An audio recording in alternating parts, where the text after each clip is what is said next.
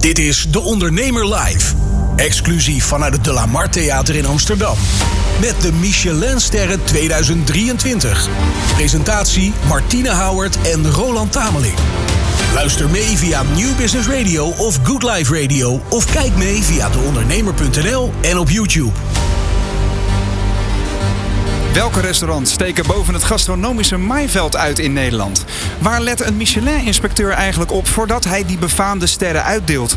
En hoeveel sterren en sterrenzaken komen er bij dit jaar? En wat betekent de opkomst van de groene ster eigenlijk? Dat gaan we vandaag allemaal ontdekken. Ja, dat klopt. Leuk dat je kijkt en luistert naar De Ondernemer Live. En deze keer dus live vanuit het Delamar Theater in Amsterdam... waar we verslag doen van de uitreiking van de Michelin-sterren 2023. Ik ben Martine Howard en je hoorde het zojuist al. Ik zit hier niet alleen. Ik word uh, vergezeld door niemand minder dan uh, Roland Tameling. Nou, dit vind ik wel een momentje hoor. Dit is de eerste, voor de eerste keer in de geschiedenis dat wij samen een show mogen dragen. En op wat voor locatie en met wat een, wat een dame aan mijn zijde. Het is een eer, Martine. Leuk. Ja, fantastisch, toch? Inderdaad, een geweldige locatie. Het is ook al lekker druk, hè, beneden. Zo, ik heb net inderdaad even hier vanaf het balkon gekeken in het Delamar Theater. In de, een oog geworpen op de, de Rode Loper onder andere.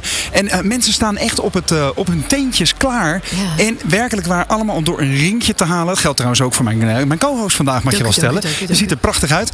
Um, maar uh, dat is dus de sfeer vandaag. Hè. Het gaat echt wel om, uh, om de prijzen hier. Ja, iedereen wil hierbij zijn. Straks wordt dus ook bekend wie de winnaars zijn. Maar wat gaan we de aankomende vier uur doen, Roland? Wat nou, kunnen mensen verwachten van ons? Sowieso gaan we inderdaad live uh, horen welke restaurants er een ster bij krijgen. Een eerste ster krijgen of misschien ook wel een ster verliezen. Want dat is ook onderdeel van het spel in de horecawereld. Klopt. We gaan uitgebreid praten over de trends ook. En ik ga zo vaak mogelijk met mijn zendersetje hier de trap af. Om met de toppers uit de Nederlandse horecabranche eh, van gedachten te wisselen. Wat doet zo'n ster nou voor je zaak? Wil je hem wel? Wil je hem juist niet? Want er zit ook best wel wat, nou ja, wat druk bij. Hè? Uh, horen we wel, ook uh, onder andere van Ron Blauw afgelopen week bij ons in de wekelijkse show. Die gaf ook aan, hartstikke mooi als je hem eenmaal hebt, zo'n ster. Maar Daarna begint het spel, wil je hem, kun je hem houden enzovoort. Dus er is uh, zeker voor de ondernemer in de horecabranche um, niet alleen maar een, een, een goed nieuwsshow in zekere zin. Omdat het echt wel een, een, prestatieprijs is ook. En nou, over die branche gaan we natuurlijk ook nog uitgebreid spreken. Onder andere met onze eerste gast. ja, en, en er gebeurt zoveel in horecaland. En um, wat ook heel leuk is om alvast even een, een klein tipje van de sluier op te lichten. Hè. Straks gaan we spreken met um, de hoofdinspecteur van Michelin. Een meneer die wij allemaal niet mogen laten zien aan de kijker van deze show. Omdat hij natuurlijk anoniem moet blijven. Maar uh, we hebben hem al even kort gesproken. En dan zie je zodra je over het vakgebied restaurants en toprestaurants gaat praten, dan gaat er een vuurtje branden. Ik hou daarvan. Ja, ja, dat is fantastisch. En dat zul je vandaag ook eigenlijk allemaal ook wel zien en horen. Het zijn allemaal mensen met enorm nou ja, hart voor de zaken. Enorm veel passie. Enorm veel gedrevenheid. Wil je überhaupt een Michelinster winnen? Nou, dan zul je ook wel heel gedreven moeten zijn. Ja. Perfectionisme hoort daar ook echt bij. Nou ja, en je stipt het zojuist ook al aan. Hè. Daar zit dus ook een andere kant aan. Heel veel druk. Uh, maar dat gaan we straks ook allemaal wel horen. Uh, we beginnen natuurlijk met het eerste uur. Want we hebben een show van vier uur lang. Ja. Uh, maar wat kunnen we in dat eerste uur gaan verwachten, Roland? Nou, uh, degene die nu meekijkt via de livestream op deondernemer.nl YouTube-kanaal. En die, die, ziet al dat de directeur van de Koninklijke Horeca Nederland al is aangeschoven. Dirk Beljaarts. We gaan straks uitgebreid, uitgebreid met je praten, Dirk. later schuift ook Frank Visser aan van Le Patron Cuisinier. en we hebben dus inderdaad Werner Loens te gast. De hoofdinspecteur van, van Michelin. Klopt. De Michelin-gids. En uh, nou, dat dus onder andere. En uh, nou, ik ben ook wel even benieuwd, Martine. Uh, weet je, enerzijds zul je straks horen van de hoofdinspecteur... is het, is het uitreiken van die en het, het, het bepalen van wie een, een ster krijgt... is een heel bijna wiskundig proces. Hè? Er mm-hmm. komt heel weinig persoonlijke mening bij, bij kijken. Want het gaat dus heel erg over de rationele en op, objectieve punten... waardoor een, een, een tent wel of geen sterrentent wordt. Maar uh, het valt en staat toch ook wel met je persoonlijke uh, drive en, en jouw smaak. Wat is jouw ervaring met, met de Michelin uh, sterren restaurants? Nou, dat is eigenlijk wel heel bijzonder. Want afgelopen jaar heb ik ook gegeten bij De Librei. Zo dan? Ja, dat vond ik heel bijzonder. Dat was op een persoonlijke uitnodiging.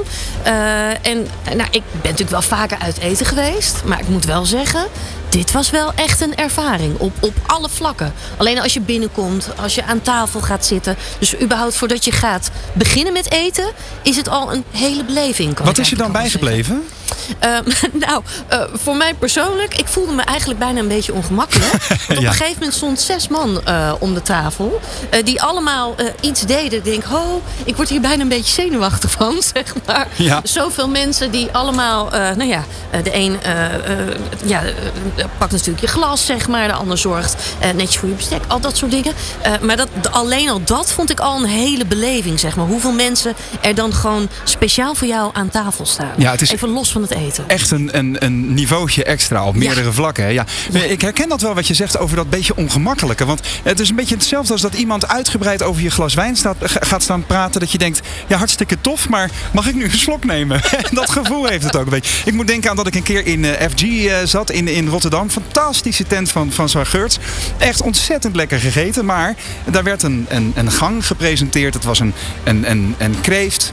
Waarbij er in, de, in het lijf van de kreeft, zeg maar, daar zat de verrassing. Maar eh, de- de bedienden, eh, de zwarte brigade zo gezegd, daar gaan we het straks ook uitgebreid over hebben. Die hadden keurige witte handschoentjes aan. En pas op het moment dat er geknikt werd, werd de schaal van de kreeft getrokken. En toen mochten we gaan eten. En ik, ik, ik, weet je, ik ben ook maar een boerenpummel op sommige vlakken. Ik, ik heb zoiets van, jongens, mag ik nu gaan eten? Ja. Het geeft wel een, ex, een extra laag aan de hele belevenis. Dat is het. maar eh, ik vond mezelf toen nog niet misschien als klant op het niveau van Michelin wellicht. Eh, dus eh, eh, inderdaad heel anders. En ik ben ook wel benieuwd hoe de horeca-specialisten dat zelf ervaren. Ja, daar ben ik ook heel erg nieuwsgierig naar. En wat natuurlijk ook een mooi onderwerp nog is. Hè? eh, we hebben straks natuurlijk echt de hoofdinspecteur van eh, Michelin hier Ja. te gast. Hoe zou je die nou kunnen herkennen? Nou, dat is inderdaad een hele interessante. Dat je in een restaurant zit en dat je denkt... zou die inspecteur hier nou zitten? Ja. Ja, eh, we hebben dat natuurlijk, eh, we- gaan dat vragen. Ja. En eh, ik heb me ook een beetje ingelezen in deze wereld natuurlijk. Van joh, zijn er nou zaken waarop, je, eh, waarop de horeca-ondernemer zelf wel kan herkennen... wacht eens even, die mensen die daar aan tafeltje 16 zitten... die, die, hebben, er een, die, die, die hebben een andere uitstraling dan de meeste. Ja. Wat ik bijvoorbeeld begreep is dat ze dus eigenlijk nooit, ehm, eh, nooit zomaar een fles wijn bestellen. Ze zullen altijd vragen, de, de inspecteur die zal altijd vragen... kunt u mij wijn- en spijsadvies geven? Ze, ze schijnen ook nooit koffie te bestellen. Waarom, dat weet ik niet. Eh, maar het, het is in ieder geval een, een, een, een, er zijn ja, een paar elementen waaraan je kunt herkennen... hé, hey, deze mensen zijn hier met een missie. Ik zie Dirk ook al uitgebreid knikken straks. We gaan ja. straks met je praten daarover, Dirk, wat jij daar, eh, daarover kunt, eh, kunt delen. Ehm, wat ik ook wel interessant vind, is dat, er, ehm, ehm, dat ze nooit fooi geven. Ze geven nooit fooi. Nooit voor je? Nee. Dus daar kun je het ook aan herkennen. Of het zijn Nederlandse gasten, of het is een Michelin-inspecteur. Nou, altijd goed om te weten, toch? ja. Ik eh, zeg, eh, zullen we gewoon lekker gaan beginnen? ja, Roland? wat mij betreft, eh, zet de kookplaat maar aan. Here we go. 1, 2 of 3 Michelinsterren. Je hoort en ziet het live op Nieuw Business Radio, Good Life Radio, de homepage van de ondernemer en op YouTube. Met Martine Howard en Roland Tameling. Ja, de effecten van de jaarlijkse Michelinsterren op horecaondernemers en hun bedrijven moet je niet onderschatten. Want wereldwijd geldt een ster als eervolle erkenning. En het winnen of verliezen van een ster kan heel veel invloed hebben op hoe goed een zaak loopt. Het is dus een hele spannende dag voor heel veel ondernemers in de branche. En dat weet de man naast mij hier ook. Eh, Dirk Beljaert, directeur van Koninklijk Horeca Nederland. Dirk, van harte welkom. Dankjewel, goedemorgen. Fijn dat je er bent. Eh, ja, voor heel veel ondernemers is dit een spannende dag. Hoe is deze dag voor jou? Nou ja, eh, ook spannend, want eh, nou ja, goed, dit, ik, ik noem het altijd maar een feest ter eh, erkenning. Omdat die, nou ja, dit, dit is een horecafeestje en het laat aan, aan de hele wereld zien hoe we ervoor staan. Net vanochtend ook even met Werner Loens, de hoofdinspecteur, gesproken. Die kon natuurlijk niet te veel klap, verklappen, maar wel dat het, het, een- dat het een goed jaar was. Nou ja, en dat, dat, weet je, dat vieren we wel met z'n allen op zo'n dag. En iedereen kent elkaar natuurlijk hier. Dus het is ook gewoon ja, dat je met elkaar bezig bent op dit niveau. Ja. Hoe zou jij de Michelinster zelf omschrijven? Ja, ik, ik zeg altijd, het is echt een erkenning. Het is een erkenning voor eh, de chefkok, de ondernemer, de zwarte brigade. Dus een samenspel eh, voor het niveau wat je bereikt en wat je dus je gasten geeft. Ja. Ehm, en ja, het is natuurlijk heel... het- uiteindelijk heb je elke dag de erkenning van je gasten. Want die zijn blij, die komen terug, die bedanken je aan het einde van de dag. Eh, maar dat professionals die voor een, hele, voor een vak niet anders doen dan dit beoordelen, dat ook doen op dit hoge niveau. Ja, dat blijft iets bijzonders. Ja, dat is een beetje Champions League of Olympische Spelen voor ja, horecaondernemers. zeker, zeker weten. Mooi. Maar ehm, eh, het is geen evenement vanuit Koninklijke Horeca Nederland. Hè. Dat is even goed om te benadrukken. Het is echt een Michelin-feestje vandaag. Jullie zijn wel de, de, de brancheorganisatie die de ondernemers in jullie branche vertegenwoordigt. Um, wat merken zij dan van het winnen van zo'n ster? Nou, heel divers. Uh, maar goed, dat, dat, uh, goed, dat zullen de, de chefs die uh, later vandaag ook spreken ook wel zeggen. Ja. Maar wat je, wat, je, wat je ziet is dat het een soort van bijna objectief... Het is natuurlijk nooit helemaal objectief... maar het is een soort van objectieve erkenning van dat hoge niveau. Hè, met 1, 2 of 3 sterren. En daarmee hoef je een soort instant niks meer uit te leggen aan je gasten. -hmm. En men, men, zoekt, som, heel veel mensen zoeken ook gewoon op de, op de sterren. En dan komen ze bij jou terecht... terwijl ze dat misschien tien jaar daarvoor niet deden. Ja. Dus het is een soort instant erkenning van een niveau. En iedereen weet, oké, dat, dat is het niveau. De Librei in Zwolle is daar een goed voorbeeld van, uh, las ik. Uh, weet je hoe lang het duurde voordat uh, Johnny Boer een, zijn eerste ster kreeg? Ja, zeven jaar. Hij is zeven jaar in de gaten gehouden door de experts van Michelin. Uh, voordat hij daadwerkelijk uh, zeg maar het, het predicaat eerste ster kreeg. Dat wil dus zeggen dat er, dat er niet over één nacht ijs of even over uh, zeven gangen wordt gegaan. Zeg maar. dat, dat vind ik wel veelzeggend. Hè? Daar zal Werner Loen straks ook meer over vertellen. Dat zij inderdaad ehm, heel grondig te werk gaan. En niet zeggen, joh, leuke tent hier, charmante plek in Zwolle, je krijgt een ster. En daar moet je echt wel keihard voor werken. Ja. ja. Hey, en er zit natuurlijk ook een keerzijde aan zo'n ster. Wat, wat merk jij dan vanuit de, de, de horeca-ondernemers die bijvoorbeeld een ster verliezen of juist hun ster willen weggeven of teruggeven?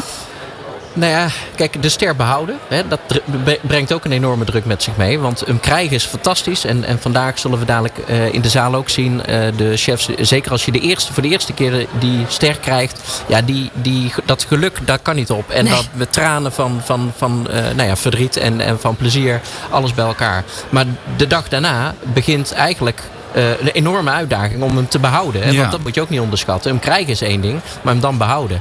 En dat brengt wel een hele zware druk uh, met, met, met je mee. Want het moet dan vanaf dat moment ook elke dag perfect zijn. Ja. En dat, ja, en dat was het daarvoor ook al. Hè, want je, anders krijg je de ster niet. Uh, maar het brengt wel ook, ook psychologisch wel een, een, een last op je schouders. Ja. Ja, dat kan ik me heel goed voorstellen. Want de evolutie van de Nederlandse keuken is de afgelopen jaren juist echt in sneltreinvaart gegaan. Hè? Corona heeft eigenlijk alleen maar voor nog meer ontwikkeling ook uh, gezorgd. En elk jaar telt de prestigieuze Rode Gids dan ook weer meer sterren dan het jaar ervoor. We gaan vandaag ook ervaren of dat nu ook zo is. Kun je dan ook zeggen dat het niet alleen koken op niveau is, maar ook echt ondernemen op niveau? En dat dat niveau dus ook steeds hoger moet zijn, ook ja, als ondernemer? Zeker, want uh, uh, heel eerlijk, een chef die heel goed kan koken koken, maar slecht onderneemt, ja, die sluit na een jaar zijn, uh, zijn deuren. Hè. Dus je moet, uh, vaak is de, de chef-kok, de patron, is zelf eigenaar.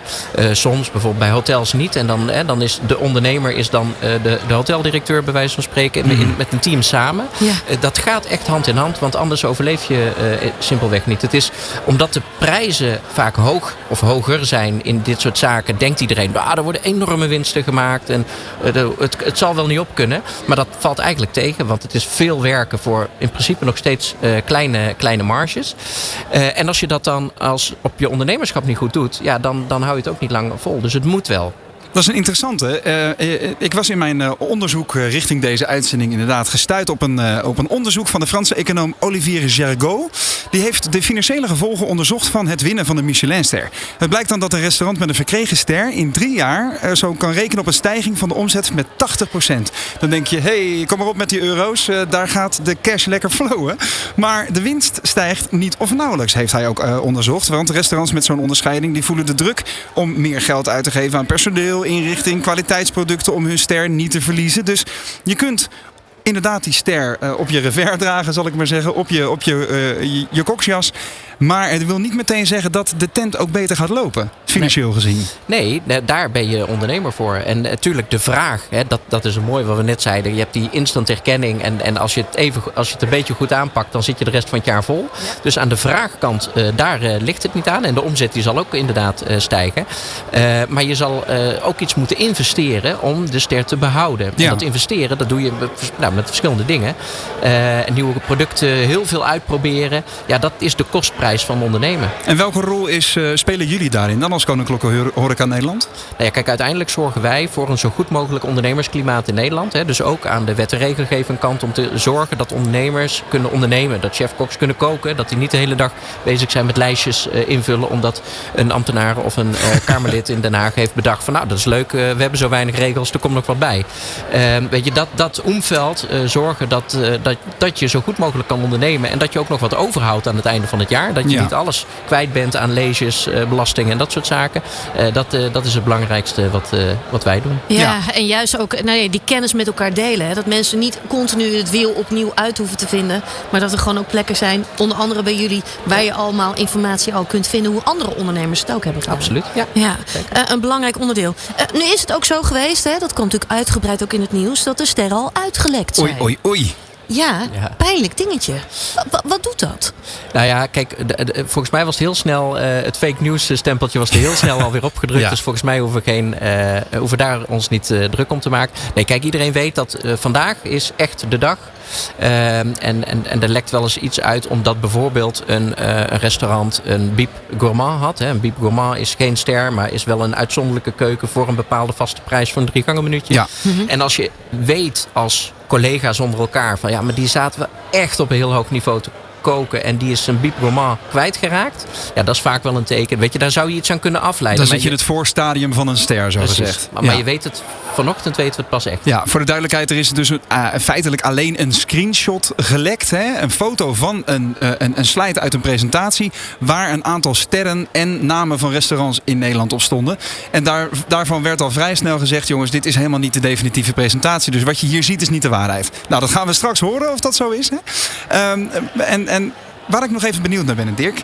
Er gebeurt um, op de horecavloer ontzettend veel. We hadden het net al even over de zwarte brigade. De witte brigade is natuurlijk, uh, zijn de mensen die in hun witte uh, overal zeg maar, de, de, de maaltijden staan te, staan te bereiden. De zwarte brigade is het bedienend personeel dat aan de tafel en tussen de tafels doorloopt. Um, daar is een behoorlijke uitdaging ook hè, voor Nederlandse horecabedrijven. Welke uitdaging zou jij daar uh, benoemen? Uh, misschien eerst even witte, voor de luisteraars, uh, witte overal. We noemen dat de koksbuis. Dat, dat klinkt net nee, wat niet kwalijk. dan, ik zit weer in het, garage. ik zit weer niet in het, in het jargon. Ja, Heel goed. Ja, ja nee, even recht trekken. Nee, tuurlijk. Weet je, die, we hadden net met Martino over. Dit is echt wel de top.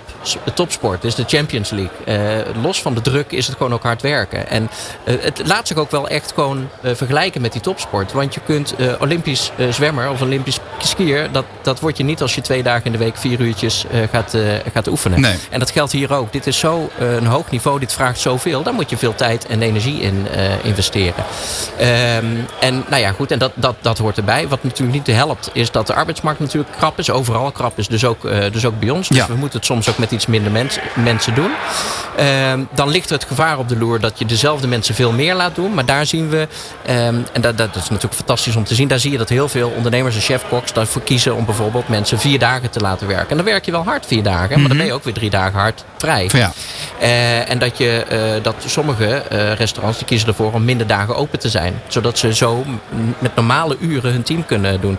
Ook een mooi voorbeeld, afgelopen uh, kerst waren er behoorlijk wat zaken die ook gewoon gesloten waren tijdens de kerst. Ja, om bewust- Opmerkelijk veel zelfs. ja, Ja. maar ook om hun teams dus de rust eh, te geven. Dus je ziet daar heel wat in bewegen. En de oude, nou, ik zou zeggen horrorverhalen... dat de pannen naar, naar stagiaires gegooid worden... en de hele dag gevloekt en getierd. Dat is natuurlijk niet meer Het zo. Gordon Ramsay effect, zeg maar. Ja, Nee, en dat doet het leuk op tv, maar dat, dat, dat is eh, echt niet zo. Nee. dat is dus wat dat betreft wel echt aan het veranderen. Die cultuur dus ook. Hoe Ja. men met elkaar omgaat. Absoluut, absoluut. En Ja. hard werken zal het altijd blijven, want anders dan kom je niet in die eh, Champions League. Maar dat betekent niet eh, dat je niet gewoon betaald wordt voor je uren en dat je ook gewoon vast vrij kan hebben en vakanties kan nemen. Dat is echt, eh, Ja. dat is echt veranderd. Ja. Ja.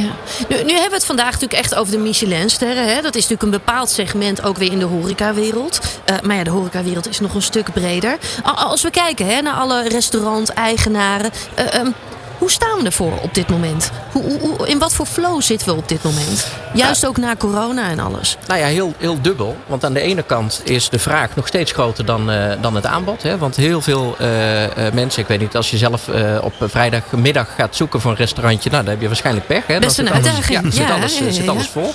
Dus er is heel veel vraag. En, en wij hebben ons ook echt wel afgevraagd van, goh, wanneer houdt het nou een keer op in die, in die zin? Eh, Want na corona hebben we een soort eh, opwaartse eh, beweging gezien. En iedereen blijft maar gelukkig eh, naar de horeca eh, gaan. Dus, die, dus die, die vraag is er. Ja. Alleen door ook onder andere door personeelstekorten kun je, kunnen we niet iedereen eh, helpen. Dus dan zie je dat mensen, eh, ondernemers, hun zaak een dag eh, langer dicht houden. Of bijvoorbeeld geen lunch meer en wel Ja. diner. Of niet meer om 9 uur open gaan, maar Ja. pas om 12 uur. Weet je? Dus daar zie je op allerlei manieren. Dus aan die kant gaat het goed. Als je dan kijkt naar de eh, enorme gestegen kosten van energie, van de inflatie, de inkoop. Hè, want als wij eh, naar de supermarkt gaan, dan schrikken we ons ook eh, een ongeluk als we afrekenen. Maar dat geldt natuurlijk voor de horecaondernemers ook. Als ze bij de groothandel hebben ingekocht. Klopt. De prijzen kun je niet blijven verhogen naar gasten. Want als je normaal gesproken 50 euro per persoon uitgegeven zou hebben, dan ga je niet, niet nu in één keer 100 uitgeven. Dus daar zit ook een rek. Eh, en dat is wel lastig, want daar zie je dat het in de, in de marge vaak eh, gaat knellen bij horecaondernemers. Omdat ze gewoon ook uit, uit die gastvrijheid ja, ze zeggen, ja, een gerecht is een gerecht. En ik kan er niet nu in één keer 20% meer voor gaan, eh, gaan vragen. Ja. Dus, ja. dus daar zit wel wat, wat strubbelingen, dat, dat is lastig. Ehm, maar aan de andere kant, als we dan even weer terugspringen naar vandaag. En je ziet de creativiteit, de nieuwe gerechten, de, nou ja, echt de, de, de, de, de stoerheid waarmee chefkoks weer nieuwe dingen aan het eh, ontdekken zijn. Ja, dat is natuurlijk ook, dat is ook ontwikkeling van, van de sector. En, en je ziet dat heel veel andere ondernemers zich daar ook weer aan optrekken. Dat is ook weer inspiratie uiteindelijk voor iedereen. ja. Andere interessante trend is toch ook die verduurzaming hè, in, in, in de horecabranche. Ik weet dat eh, mijn buurman toevallig is, eh is souschef hier in Britjes in Amsterdam. Ook op buitengewoon hoog niveau. En die hebben hun eigen eh, bijenkasten op het dak van het hotel staan. Eh, echt waanzinnig, zodat het allemaal zo, zo, zo lokaal mogelijk gesourced is. En Michelin is in 2020 begonnen met eh, de groene Michelinster. hè. Wat, wat zou jij daarover kunnen vert- vertellen, Dirk? Nou ja, kijk, dat is natuurlijk een, een initiatief waar Michelin met, gewoon hartstikke goed met de tijd meegaat. Want er is nu eenmaal sowieso duurzaam ondernemen is hartstikke belangrijk. En er is ook vraag van heel veel gasten naar duurzaam ondernemen. En van ja, waar herken ik dat dan aan? Ik wou Ja. net zeggen, want de consument vraagt er ook steeds meer naar. hè? Zeker, zeker. Eh, en, en veel ondernemers, heel veel ondernemers doen dat. Door bijvoorbeeld streekproducten eh, te doen. Door bijvoorbeeld geen plastic meer te gebruiken. En zo. Dus het, het, is eigenlijk, het zit al in het DNA. Alleen Michelin heeft dan gedacht van nou, als we daar nou zo'n groene ster van maken. Dan is het voor iedereen ook duidelijk. Van nou, dat is met onze zegen, met onze kwaliteitsnormen. Is dat een, eh, een restaurant waar je gewoon terecht eh, kan op die manier. En dat is gewoon, ja, dat is gewoon heel handig. Ja. En zie je dan ook een effect in, in dat, dat horecaondernemers eh, er actiever mee bezig zijn sinds die ster eh, erbij is gekomen? Nou, nee, nee, dat was al een beweging. Dat komt niet door de ster. Want dat, dat, zou, hè, dat zou wel iets te veel eh, eer zijn voor Michelin. Want dat zit al gewoon in het, in het eh, DNA van Ja. de ondernemer. Dat Ja. je, je kijkt überhaupt naar hoe je wil ondernemen. Hoe je het voor je kinderen achter wil laten. En je kijkt naar wat je gasten willen. En die allemaal vinden het belangrijk om duurzaam te ondernemen. Dus ja, dat, dat doen ze. Ja, ja. Nog even terugkomend op, op hetgene wat je net aanstipte. Hè? Aan de ene kant gaat het dus goed, hè? is er veel ontwikkeling gaande. Aan de andere kant zit het wel die wrijving. Hoge kosten, eh, weinig personeel. Eh, wat zou je ondernemers mee willen geven? Want we maken dit natuurlijk ook juist echt voor ondernemers. Welke tip zou je mee willen geven aan mensen? Ja, heel simpel, blijven rekenen. Ehm, en, en er zijn dus... eh, Zo simpel eigenlijk. Ja, het is, Ja. Echt, ja, het is echt eh, zo simpel. De, er zijn ook wel restaurants, zelfs sterrenrestaurants, die hebben gekozen om te sluiten. Ehm, en dat hebben ze gedaan omdat het gewoon niet meer uit kan. Dus als je blijft rekenen en je behoudt je, wat je had net, eh, eh, Ronald, heel goed Ja. voorbeeld over de omzet die stijgt. Maar dat zegt dus niet alles. Als je niet je marges bewaakt eh, en zorgt dat je goed uit blijft komen, ja, dan, dan, ga je, dan teer je in op je eigen vermogen. En Ja. dan, is het, ja, dan, is, dan doe je het voor de eer en, en, en een beetje voor het imago. Maar ja, daar ben je niet ondernemer voor geworden. En dat is bij dit soort zaken natuurlijk wel extra lastig. Want er ligt een hele druk. En, je ben, en het heeft veel, veel met eer en ego te maken. Want je bent een soort rockster eh, als je een Michelin-kok eh, bent. Eh, maar ja, je moet, uiteindelijk moet je wel nog een boterham verdienen. Ja, ik ben nog zo even benieuwd. Hè. Gewoon even een heel ander onderwerp. Maar voordat we weer naar de volgende spreker gaan, wil ik dit graag nog even met je onderzocht hebben. Michelin is natuurlijk een van oorsprong Franse organisatie. Hè. Ehm, eh, en en het, hoofdkantoor van de inspecteurs zit in Brussel. Er werd voorheen altijd een beetje lacherig gedaan over de Nederlandse culinaire situatie, zou ik maar zeggen. Oh, daar heb je weer zo'n Nederlander. Ik weet dat Johnny Boer ook, die is een keer kennis gaan maken met de toenmalige hoofdinspecteur. En die werd eigenlijk een beetje weggelachen van heb je weer zo'n Nederlander. Wat gebeurt hier nou toch? Um, zie jij, als je nu vanuit Koninklijke Horeca Nederland meldt bij buitenlandse partijen dat je uit Nederland komt, wat is dan nu de tendens? Uh, nou, veel, uh, veel waardering. Want uh, niet alleen op het niveau van sterren, maar ook op het niveau van innovatie. Qua gerechten, concepten. Je ziet natuurlijk heel veel hele moderne, trendy plekken in, in heel Nederland. Ook qua interieur, qua, nou ja, qua het, hele, het hele plaatje. Qua format eigenlijk. Ja, ja, ja. maar ook hotels, restaurants, cafés. We, we hebben alles. En, en natuurlijk, we hebben de bruine kroeg die er nog uitziet als 20 jaar geleden. en dat heeft heel veel charme in het buitenland ook overigens. Maar ook heel veel andere heel veel andere type zaken waar men uh, ja, echt wel bewondering van heeft. Dus die ja, Nederland als, uh, als stampottenland, zeg maar, dat, dat is echt wel al heel lang af. Ja, yeah, you ja. with your smoke sausage. Hè? krijg, je, krijg je dat nog wel eens naar je, naar je hoofd geslingerd nee. in zekere zin? Nee, nee, nee, want degene, maar dan, daar, ik ga natuurlijk ook wel om met mensen, veel mensen uit de horeca. Ja. Dus dan, dan die snappen donders goed op wat voor niveau we in Nederland de horeca bedrijven. Ja, we zijn er net al, hè? het is een spannende dag voor horeca Nederland. Uh, met, met, welk gevoel stapte jij vanmorgen uh, je, je nette pak in, zo gezegd? Nou ja, met een gezonde... Was je voorspelling, met andere woorden? Ja, met een gezonde uh, spanning. En nou goed, ik weet net zo min als wat er uitgelekt was, wat er dadelijk echt gaat gebeuren. Maar ik sprak Werner, de hoofdinspecteur, net. En die zei dat het een, een, positief jaar was voor Nederland dit jaar. Dus ik maak me op voor wat... wat het vraag, het, hoe noem je dat? vreugdetranen dadelijk ja. in de zaal. Ja. Ja, wat sterren erbij wellicht. Ja. We gaan straks ook uh, na de uitreiking nog even met Dirk uitgebreid nabrieven. Hè? Even kijken wat er nou daadwerkelijk uh, veranderd is in het sterrenlandschap van Nederland. Dus daarover uh, straks meer. Dankjewel. Dirk. Hartstikke goed. Klopt. En uh, zometeen gaan we dan ook verder met Frank Visser van uh, Le Patron de Cuisinier. En uh, we spreken natuurlijk ook nog eens de hoofdinspecteur van Michelin, Wenner Loens. De Ondernemer Live. Vanuit het De La Mar Theater in Amsterdam. Naar wie gaan de Michelinsterren van 2023? Martine Howard en Roland Tameling nemen je mee in de wereld van topkoks en de beste restaurants van Nederland. Ja, iedereen is benieuwd natuurlijk welke restaurants vandaag hun eerste Michelinster krijgen. Of er misschien wel eentje bij kunnen schrijven. Er is veel gezonde concurrentie tussen de verschillende horecazaken. Maar wat ik me niet realiseerde, is dat er een goede gewoonte is in de branche van topchefs om juist bij elkaar in de keuken te kijken. En die diverse topchefs die zijn verenigd in een verrassend verbond, Le Patron Cuisinier. En uh, nou, dit is echt, dit geeft aan wat voor druk er op de ketel zit vandaag. Want uh, Frank Visser, je komt net echt nog bellend binnen, binnengerend hier in de studio. Van harte welkom.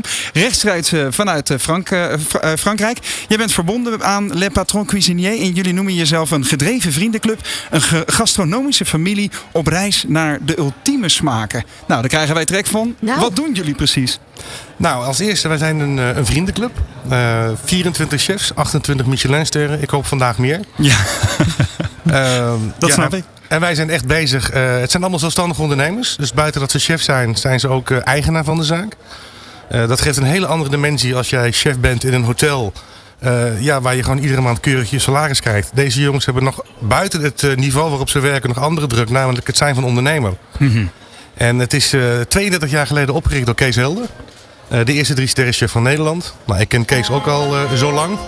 Ondertussen wordt er uh, vanuit het uh, theater iets aangekondigd. Wat weten wij ook niet, maar dat is het geluid dat je op de achtergrond hoort. Ja. dat is vaak het geluid dat je moet gaan zitten in de zaal. Ja, dat is het, hè? dus nee, wij zijn gewoon heel benieuwd. En in onze club staat vriendschap bovenaan. Um, en dat is begonnen ooit met de koks. En in de loop der tijd hebben we ook daar de Zwarte Brigade bij gezet. Het bedienend personeel, hè? het zeggen. bedienend personeel. Het zijn ook vaak uh, de vrouwen van die meewerken in de zaak. Okay. het zijn vaak ondernemers, echtparen. Um, en vroeger gingen de heren koks alleen op reis. Hè. We gaan één keer per jaar maken we een mooi reisje. We zijn in de Bordeaux geweest, we zijn in Italië geweest. Uh, we gaan naar de wijngebieden in Duitsland bijvoorbeeld. En tegenwoordig gaan we samen. Okay. Dus de, de, de, de patron en de patronesse, zoals we ze noemen, ja. ja die, gaan, die gaan samen op reis. Uh, Frank, kun je uitleggen waarom dit dan zo belangrijk is? Om, om echt samen te komen met elkaar? Nou, het samenkomen is niet alleen uh, praten over eten en drinken, maar ook ondernemerstips uitwisselen. Joh, wat doe jij? we hebben een groepsapp. En als je ziet hoe vaak daar overheen gaat. Joh, ik kan uh, Moriers kopen voor uh, dit okay, bedrag per kilo ja. bij die en die. Eh, Oké, top, duimpje omhoog. Eh, goh, ik eh, heb dit en dit gekocht, maar wat doen jullie ermee? Dus het is heel veel ideeën uitwisselen. Maar ook tijdens eh, corona. Eh, ja, elkaar geholpen eh, met hoe vraag je nou die steun aan en hoe zit dat nou? Eh, en wat mag je wel en wat mag je niet? En ja, daar zijn we heel veel mee bezig geweest met elkaar. Ja, dus heel veel kennis ook met elkaar delen. Ook kennis delen, ja. En, en mijn rol als voorzitter, het is een onbezoldigde rol. Mijn normale baan is, ik zit in de directie van Compass Group, de grootste cateraar ter wereld. Eh, en ik heb wat vreemde hobby. De een heeft het eh, hockeyteam van zijn dochter en ik heb eh, 24 eigenwijze chefs.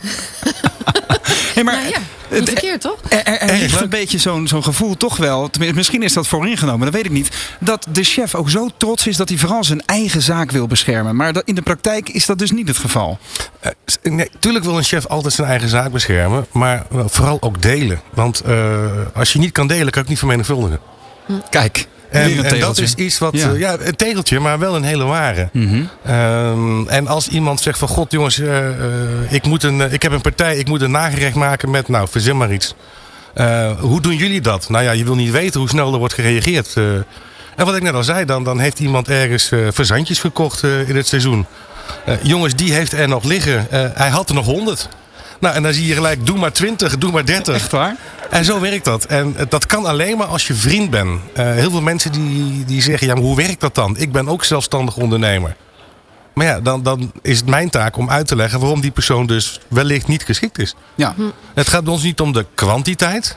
Het aantal leden vinden we niet belangrijk. Het gaat om de kwaliteit. En het allerbelangrijkste is de vriendschap. Je moet in de groep passen. Juist. En nou staan de topchefs vandaag natuurlijk vooral in het zonnetje. Ja. Maar eh, je gaf het net al even aan, de Zwarte Brigade, toch de olie in de machine ook in zekere zin binnen een horecazaak. Ehm, die staat enerzijds onder druk. Het is la- best lastig voor de partijen om goed gekwalificeerd personeel te vinden. Wat is wat jou betreft de belangrijkste uitdaging of trend op dat vlak? Nou, de allerbelangrijkste uitdaging is, en daar hebben we het ook vaak over met elkaar, wees eerlijk. Daar begint het mee. Ehm, Wat houdt dat in? Nou, eh, als je overuren maakt, doe er wat mee. Ik weet van een aantal jongens in onze club die zeggen van, goh, eh, overuren schrijf je op. Ehm, en daar neem je dan vrije tijd voor op als het kan. Of aan het eind van de rit betalen we ze uit. Eh, de tijd is voorbij tot je 80 uur eh, iemand kan laten werken en hem 32 betalen. Dat Ja. kan en mag gewoon niet meer. Aan de andere kant, eh, vroeger, eh, ik heb zelf ook in de horeca gewerkt. Eh, als hoteldirecteur ook. Ja. En dan, dan werk je gewoon de uren en je moest niet zeuren. Nou, die tijd die is niet meer. Wat je nu moet doen, is gewoon het eerlijke verhaal vertellen en zeggen: joh, bij ons werk je geen 40 uur, maar je werkt er 50. Oh ja, en dat doen we dan in vier dagen, dus je bent er altijd drie vrij. Oh, oké. Nou, dat is interessant.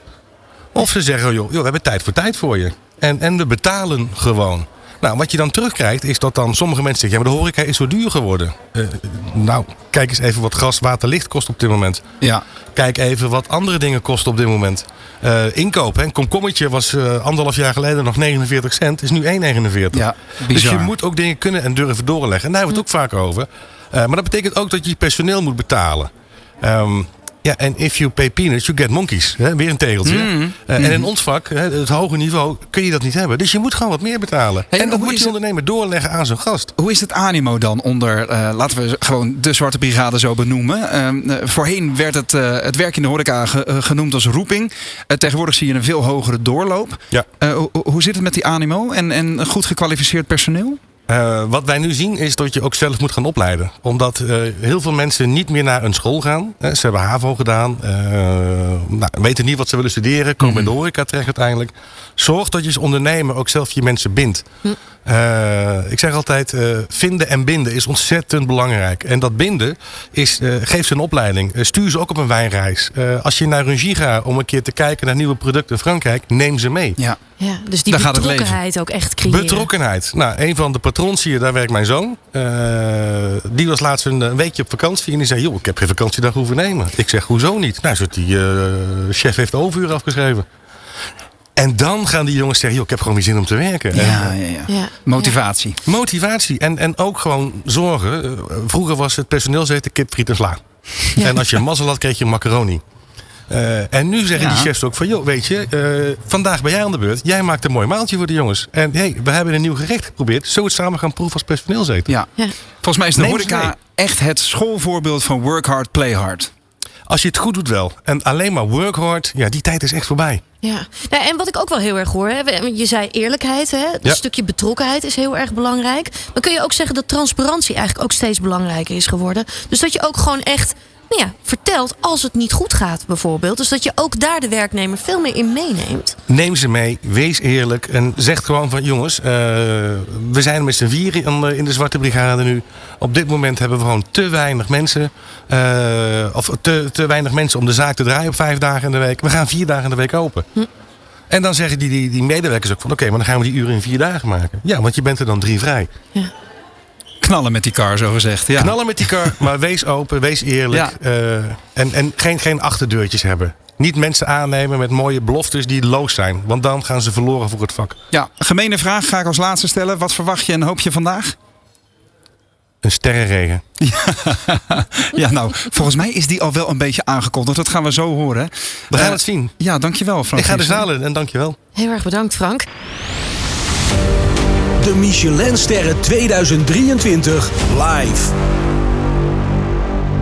En dan gaan we verder met een hele speciale gast. Hij zit al jarenlang in het vak en wordt door iedereen geprezen. En hij is dan ook echt de hoofdinspecteur van Michelin. Ik heb het over niemand minder dan Werner Loens. Werner, van harte welkom.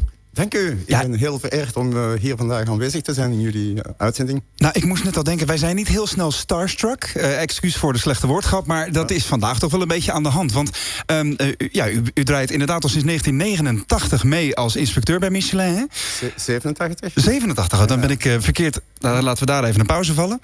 Want u draait inderdaad al een hele tijd mee, sinds 1987 als eh, inspecteur bij Michelin. En ehm, misschien, Martine, goed om even uit te leggen. Meneer Loens mag niet herkenbaar in beeld, hè? Klopt, klopt. Eh, Werner, kun je uitleggen waarom dat is? Ja, om mijn werk goed te doen moet ik anoniem eh, gaan eten in restaurants, zoals mijn collega-inspecteurs. Dus ik ben zelf 20 jaar eerst inspecteur geweest, voordat ik eigenlijk de directie nam voor de selectie van de Michelin-gids in de Benelux, dus eh, Nederland en België en Luxemburg.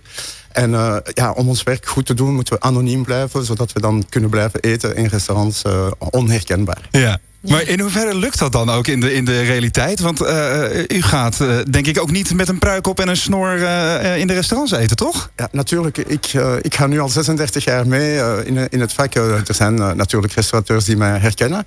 Maar mijn collega's zijn allemaal anoniem. Dus die kunnen nog echt het werk heel anoniem doen.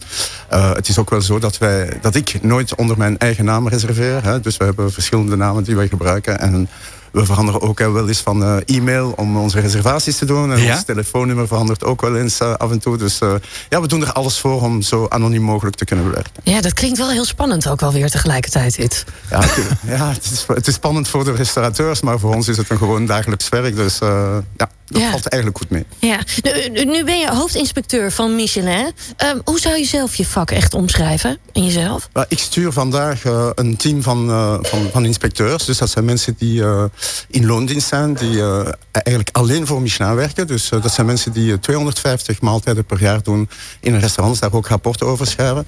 En het is mijn taak om al die rapporten dus te lezen en dan ook de opvolging van de, de restaurants, van die maaltijden, eh, te doen. Bijvoorbeeld als een, als een eh, inspecteur vindt dat een restaurant een ster waard is, dan moet ik zien dat daar minstens twee, drie of vier keer in het jaar nog gegeten wordt, zodat Ja. we dan die ster kunnen bevestigen. En dat wordt dan altijd door een andere inspecteur gedaan. Ja, want het is een soort, een soort klankborden onderling dan, begrijp ik. Het is nooit een, een, de mening van één inspecteur. Nee, dat kan niet. Dus eh, we kunnen zo niet de constantheid van een restaurant bepalen. Dus als je elke keer dezelfde, eh, of toch één eh, inspectie een, een, ja, een conclusie maakt, ja, je moet verschillende meningen hebben. En, Ja. en dan, is het, dan is het belangrijk dat we dan op het einde van het jaar samenkomen en dan collegiaal beslissen of we een restaurant een ster geven of niet. Snap ik. Hé hey Martine, weet je wat voor vraag bij mij nu meteen opborrelt? Nou, vertel. Hebben jullie nog vacatures? het lijkt me echt fantastisch werk om te doen. Het is natuurlijk een fantastisch werk. Het is het mooiste werk eh, dat je kan hebben als je gepassioneerd bent eh, van eten. Als je gepassioneerd bent om op restaurant te gaan. eh, als je echt passie hebt voor nieuwe zaken, nieuwe concepten te ontdekken. Ja, je moet ook eh, een heel open geest hebben. Je moet ook met de, met de evoluties mee kunnen gaan. Dus ja, het is natuurlijk een pracht van een vak. Maar het is ook heel zwaar. Het is... eh, twee keer op restaurant gaan per dag, eh, dikwijls. Hè? Dus ja, een inspecteur doet minstens zeven tot acht maaltijden per week.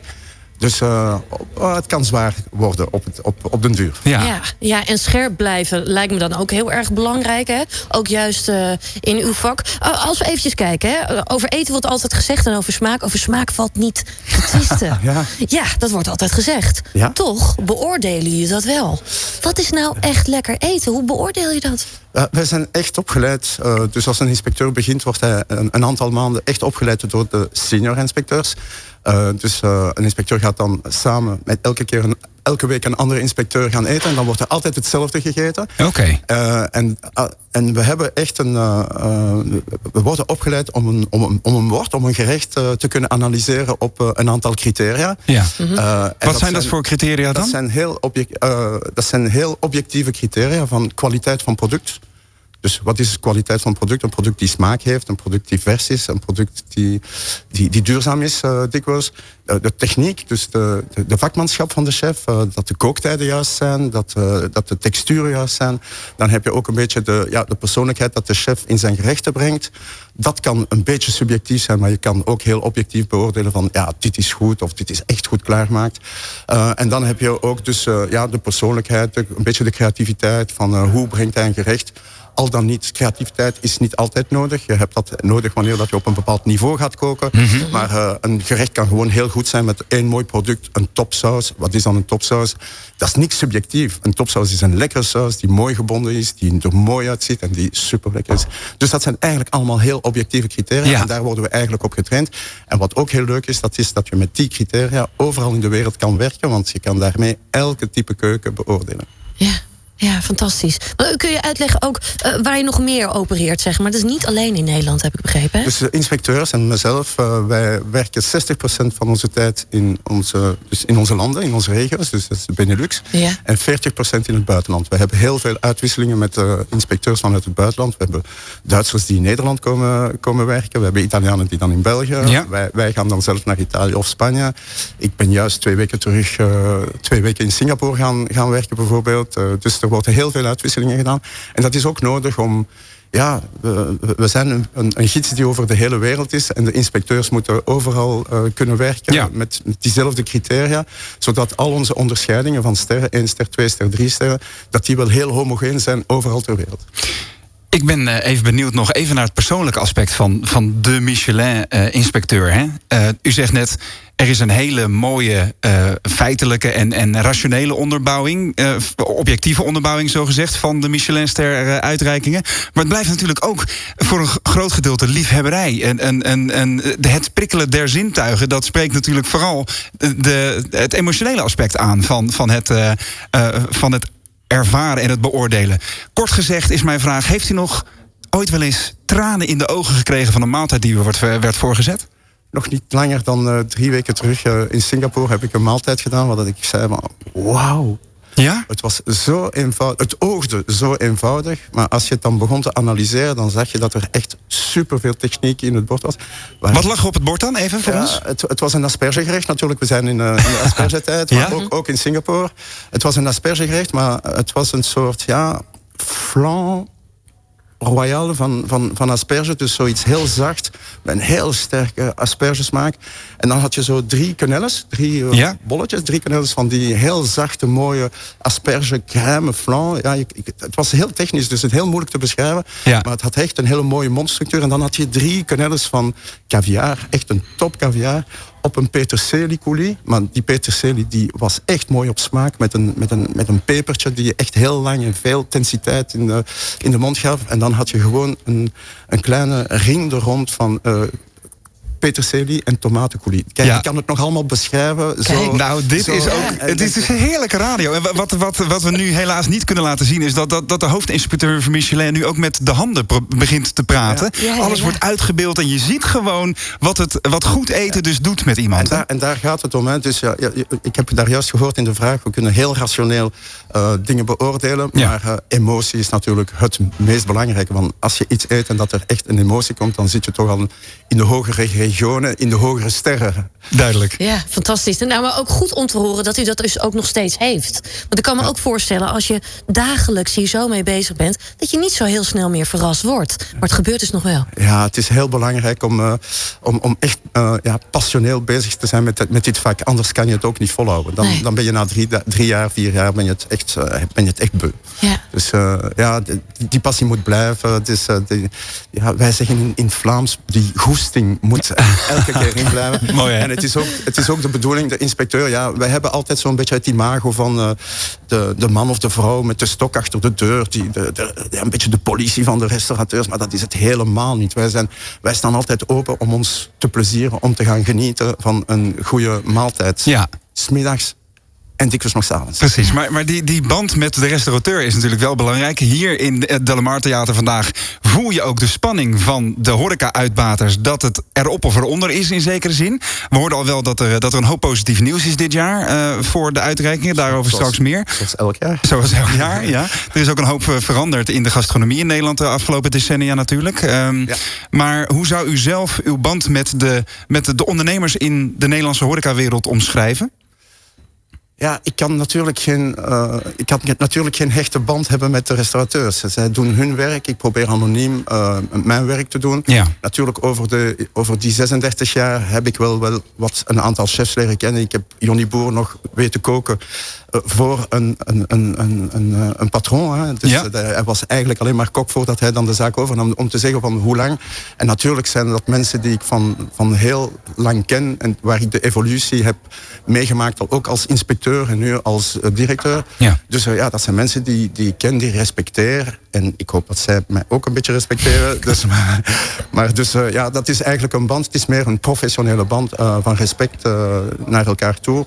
En ook voor, ja kijk, ik, ik heb gisteren een aantal telefoontjes moeten plegen om om te vertellen dat die mensen hun ster gingen kwijtraken. En dat zijn natuurlijk uh, voor mij de moeilijkste, uh, uh, het moeilijkste uit het vak. Dat zijn de, de, een, de enigste dag van het jaar waar ik eigenlijk uh, niet graag opsta en zeg van, oh, dit moet weer vandaag. Dus ja. ja. ja. En wat voor, uh, wat voor um, reacties krijgt u dan aan de telefoon? Ja, dat is heel emotioneel. Hè? Dus dan moet je echt uh, heel empathisch uh, met, met hen mee, mee praten. Ja. Meestal, ja ja, meestal zijn ze een beetje van een, van een, van een stuk. Dus, uh, nou ja, dat kan ik me heel goed voorstellen. Want mensen zijn hier dag in dag uit zo ja. mee bezig. En ja. juist ook het behouden van die ster... dat roept zoveel stress en ook spanning bij mensen op. Dus als ze dan die ster verliezen, dat is nogal wat. Het, het, is vreselijk voor hen. Hè. Dus, uh, maar ja, dan moet ik hen ook vertellen dat er uh, over de geschiedenis heen heel veel restaurants al een ster verloren zijn en daarvoor niet minder goed gaan werken zijn. Dus het is ook, het is ook geen drama. Het is natuurlijk een drama op het moment zelf, ja. Ja. maar binnen een maand of twee zie je toch wel dat de vaste gasten toch blijven komen en dat, het dus, uh, dat die restaurants wel leefbaar blijven. Maar in uw woorden, wat, wat is het effect uh, of de importantie van de Michelinster voor de horeca-ondernemers? In uw woorden? Ja, ik zou ik zou u graag willen antwoorden, vraag het hen zelf straks. Uh, uh, ik, ik, denk dat het voor hen. Uh, ik, ik, denk iedereen heeft ooit een evaluatie nodig. En restaurateurs zitten dikwijls tussen hun vier muren, zijn ondernemers, kleine ondernemingen, een, een, man of 10, 15, ja. 20. En uh, die zijn elke dag bezig, uh, smiddags, avonds altijd hetzelfde te doen. Uh, drie, vier menus of kaarten per jaar veranderen. En ik denk dat gidsen in het algemeen, of het nu de Michelin-gids zijn of andere gidsen, concurrerende gidsen, zijn denk ik uh, niet super belangrijk, maar wel nodig om die mensen een bepaalde evaluatie te kunnen geven. En ik denk dat dat wel geapprecieerd wordt, ook door, de door een aantal restaurateurs, niet iedereen natuurlijk, mm -hmm. maar uh, restaurateurs die ambitie hebben om eigenlijk uh, het beste te, te, te, te, doen, het beste ja. te leveren. Ja, ja. Als we ook eventjes kijken naar alle ontwikkelingen op dit moment. De afgelopen jaren heeft natuurlijk ook in de culinaire wereld heel veel plaatsgevonden. Er zijn heel veel nieuwe ontwikkelingen zijn Ja. ook ontstaan.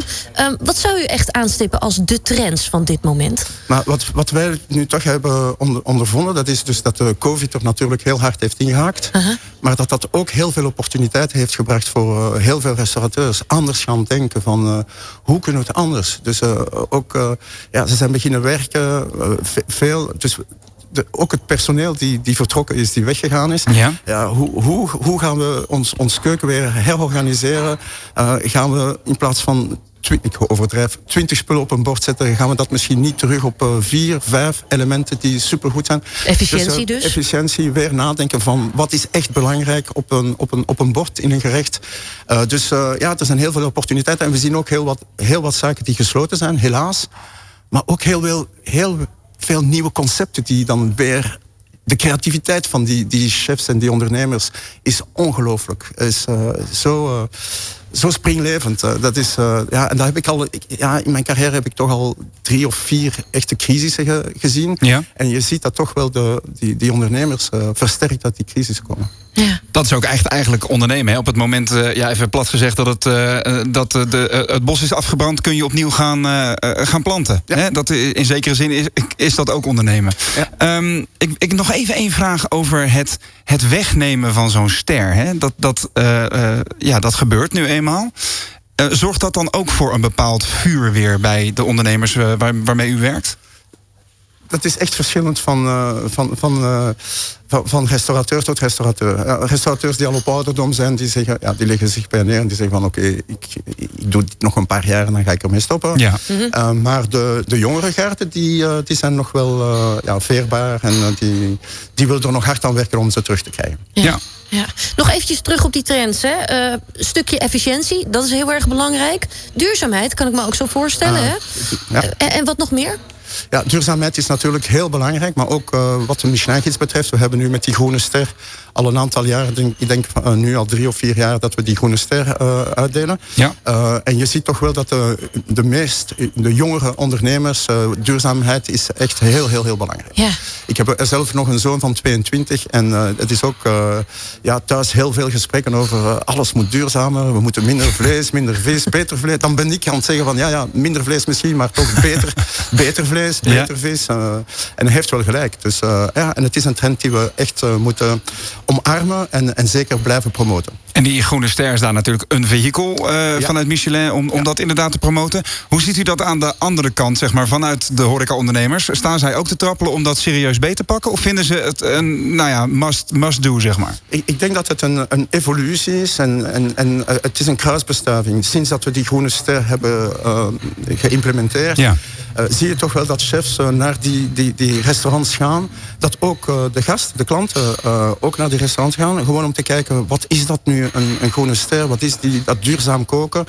Um, ja, en dan zie je toch wel dat die, dat die andere chefs die daar misschien niet echt open voor waren, toch wel een, een inspiratie over krijgen. En het mag ook geen revolutie zijn. Het moet echt een evolutie zijn. Het moet heel stil bij de jongere chefs binnendringen. Ja. Ja. En ik doe ook af en toe lezingen in uh, hotelscholen, waar ik dat dan ook een beetje uitleg. Wat, wat is die evolutie naar duurzaam, duurzaamheid?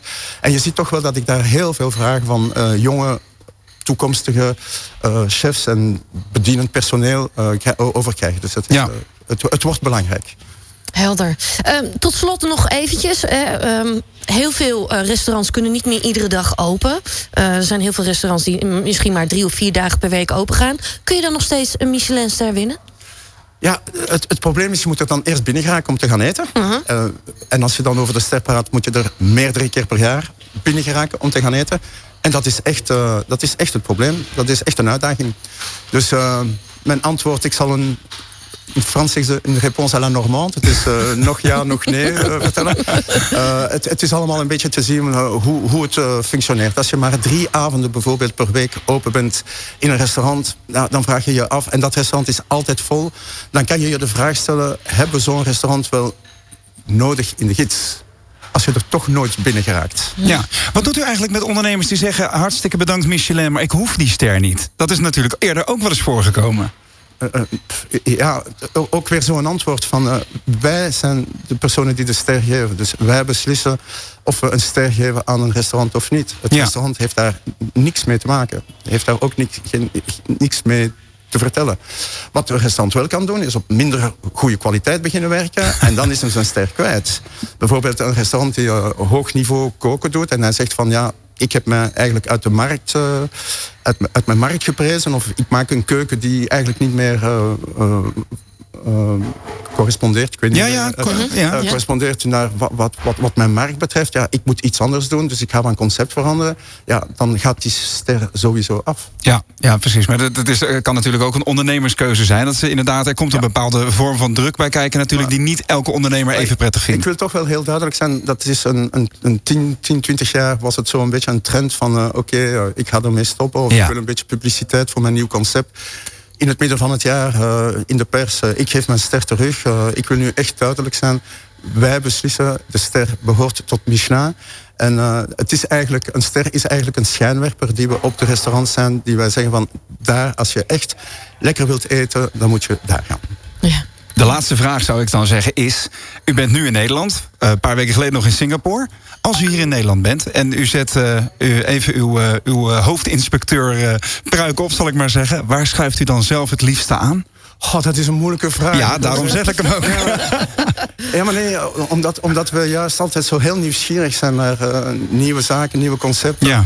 Ik ga even graag in een drie-sterren restaurant eten als in een bistrootje op de hoek van de straat ergens in Amsterdam. eh, Die hartstikke vol is met allemaal leuke jonge mensen. Vandaag zie je dat toch wel heel veel, dat jonge mensen uit gaan eten. 30 jaar geleden was dat helemaal niet zo. Nee. Dus, eh, en dat je ziet dat het allemaal zo, zo leeft en dat mensen genieten van eten. Dus ik zit eigenlijk graag in eender welk restaurant. Dus eigenlijk, zelfs na zoveel jaar ervaring, zit de kippenvelfactor in verrassing. Anders hou je het niet vol in dit vak. Kijk, nou. We Mooi laten dit, ons hè? ook gewoon verder verrassen dan vandaag. We gaan natuurlijk straks ook zien eh, wie de Michelinsterren gaan winnen. Eh, nou ja, u weet het natuurlijk al. En ik ben dan in de coulissen, want niemand mag mij dan in de zaal zien. Dus eh, ik ben ook spannend om te zien hoe de emoties er vandaag eh, gaan uitkomen in Ja. de zaal vandaag. Fantastisch. Werner Loens, we willen je heel erg bedanken voor je Nee, komst. ik bedank jullie voor, de, natuurlijk voor wat u mij toelaat te doen vandaag. Dankjewel. De Michelinsterren 2023 live.